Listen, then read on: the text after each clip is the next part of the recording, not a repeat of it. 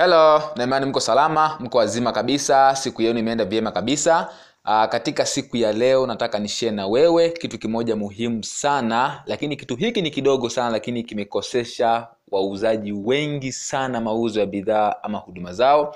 Haijalishi wewe unauza kitu gani, lakini sababu hii imekuwa ni kikwazo cha watu wengi sana kukosa mauzo. Nimekuwa nikipata maswali mengi sana kutoka kwa wauzaji mbalimbali wakiuliza kwa nini hii inatokea kwao lakini ukweli ni kwamba sio kwao tu ni kwa kila mtu. Endapo tu kiruhusu kitu hiki kifanyike basi jua kabisa lazima utapata kipingamizi kama cha watu wote ambacho kinawakuta katika kuuza bidhaa ama huduma zao. Uh, point ya leo ni kwamba hata siku moja wewe ukiwa kama muuzaji wa bidhaa ama huduma usiruhusu mteja akupangie siku ya kukupigia simu au mteja akwambie siku ya appointment. Kwa sababu mteja akikwambia appointment au akikupa siku ya appointment au kwambia labda nitakupigia wiki ijayo labda nitakupigia jumaa fulani labda nitakupigia kesho jua kabisa hiyo ni objection. Hicho ni kipingamizi hawezi kukutafuta na wala hiyo wiki hawezi kukupigia alikuwa anatafuta njia ya kutoka katika mazungumzo yako wewe na yeye. Narudia tena usiruhusu mteja akupangie appointment. Anayepanga appointment ya kupiga simu ama kuonana na mteja ni muuzaji wa bidhaa ama huduma. Kosa hili wamekuwa wakifanya wauzaji wengi sana. Mteja anapokwambia naomba nikupigie siku fulani kubali mwambia haina shida lakini ningeomba nikupigie mimi muda huo narudia tena mteja akikwambia nitakupigia siku fulani au nita, ni- ni- nitarudi labda wiki ijayo ama tuonane siku fulani cha kwanza kubali mwambie nashukuru sana kwa kunipa appointment hiyo lakini ningeomba mimi ndio nikupigie siku hiyo au mimi ndio nikutafute siku hiyo. Kwa sababu kwa sababu ukisubiri mteja akutafuta utasubiri maisha yote hawezi akakutafuta. Kwa hiyo point yangu ya hapa ni kwamba tunasema hivi you make the call not the customers. Anayetakiwa apige simu au aweke appointment ya kunana na mteja ama kumpigia mteja ni wewe muuzaji na sio mteja kuweka appointment. Kwa sababu mteja akiweka appointment tayari hicho ni kipingamizi.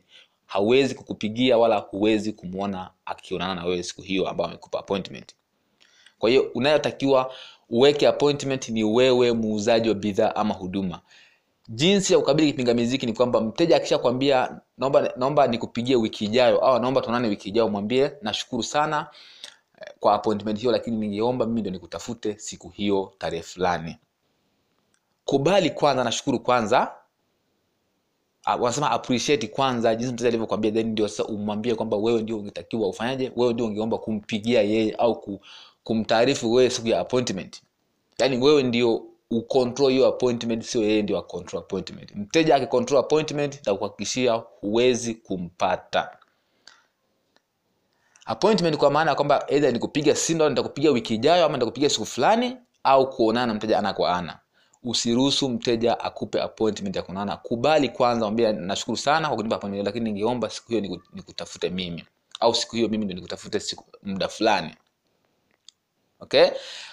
Hata kama utaweka utakubali appointment yake siku ambayo umemtajia na weka siku hiyo hiyo kwamba wewe ndio umtafute hiyo siku ambayo amekwambia atakutafuta. Yaani wewe ndio umgeuzie kibao kwamba umtafute wewe siku hiyo. Sio yeye ndio akutafuta wewe kwa sababu yeye hatokutafuta na kosa hili limeaffect watu wengi sana kwenye kuuza bidhaa ama huduma. Okay? Kwa mfano labda kusema labda nitakupigia bana wiki ijayo ama nitakupigia kesho nitakupigia labda jumatatu hato hatokupigia hiyo imekuwa confirmed kwa asilimia mia kwamba hatokupigia anayetakiwa kuweka appointment ya kumpigia mteja ni wewe lakini kubali kwanza na shukuru appreciate kwanza kama nashukuru kwa kunipa appointment hiyo na ninge, ningeomba mimi ndio nikupigie siku hiyo muda fulani. Kama alikuwa anamaanisha kweli atakubali kwa mikono miwili na atakushukuru. Kama alikuwa hamaanishi ukiona anakataa wewe kumpigia ujue hana muda wa kununua bidhaa yako. Hiyo ilikuwa ni kipingamizi tu cha kutokununua bidhaa yako muda huo kwa hiyo njia hii pia ni mbinu rahisi sana ya kujua mteja amekupa kipingamizi ama anamaanisha kweli siku hiyo atakupigia ama mtaonana. Ukiona anakataa wewe kuweka kumpigia kuweka appointment naye jua basi alikuwa hana nia ya kunana wewe na wala alikuwa akupigii ilikuwa ni kipingamizi tu cha kutoka hapo wewe ulipo. Ila ukiona amekubali wewe kuwa muongoza appointment au wewe kuwa ni kuwa ni mtu anaye control appointment basi jua kabisa mteja huyo alikuwa anamaanisha na kuna uwezekano mkubwa sana appointment yenu au ukimpigia simu ukafanikiwa kuuza bidhaa ama huduma. Kwa hiyo mbinu hii pia itakurahisishia wewe kujua real, wanasema you discover the real objections yani kujua kipingamizi halisi ni kipi. Ni kwamba alikuwa hataki tu kuonana na wewe au kupigia kununua bidhaa au kuongea na wewe ama alikuwa kweli anamaanisha kwamba atakupigia siku hiyo ama utaonaye siku hiyo. Kwa hiyo mbinu hii itumie. Na summarize kwamba usiruhusu mteja akupe akupangie appointment ya kutafuta wewe. Wewe ndio unatakiwa umtafute mteja. Anayeweka appointment ni muuzaji siyo mteja. Hasa kosa ni kubwa kwamba watu wana- wanasubiri wateja wanawapa appointment. Mteja akishakupa appointment na kuhakikishia hawezi kukutafuta. Ila akishakupa appointment shukuru then kubali mwambie naomba mimi ndio nikutafute siku hiyo.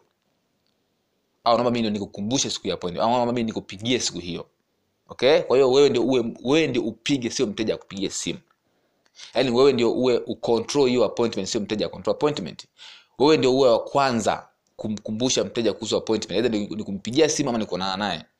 Sio yeye ndio awe wa kwanza kukutafuta ama kukupigia kwa sababu hatofanya hivyo kama alivyokwambia ukiona anakataa wewe kucontrol appointment jua kwamba hiyo ilikuwa ni kipingamizi tu alikuwa hana muda wa kukupigia wala alikuwa hana muda wa kuonana na wewe. Kwa hiyo hii mbinu ni rahisi sana kujua objection ya mteja ilikuwa ni, ilikuwa ni kweli ama alikuwa anamaanisha kwamba atakupigia ama atamana na wewe. Kwa hiyo tumia mbinu hii itakusaidia sana sana na mbinu hii watu wengi sana imewakosti na ndio maana wanifata inbox kuniuliza. Kwa hiyo nimeamua ni nilete solution ya jibu hili ambalo limekuwa likikosesha liki, liki mauzo watu wengi sana. Watu wengine hapo kwenye grupu hili lakini watu wengine wananipigia simu direct kutoka mausini kwao kwamba bana kimekuwa na hii hii inakuaje kwa nini nakuwa hivi? Kwa nini mteja akiniambia nitanipigia lakini hanitafuti? Kwa nini mteja akiniambia ninaona naye lakini siku hiyo hanitafuti? You see? Kwa hiyo wanasubiria wateja wawatafute au wateja wawaambia au wapigie simu. Ni kitu ambacho hakiwezekani. Wewe ndio unatakiwa kupiga simu kama muuzaji na sio mteja akupigie simu. Hata kama alikwambia atakupigia siku fulani na kuhakikisha hawezi kupigia wewe ndio unatakiwa umpigie mteja siku hiyo aliyokuambia atakupigia simu nadhani hapo uh, ipo clear. Kama kuna swali basi mtauliza. Asanteni sana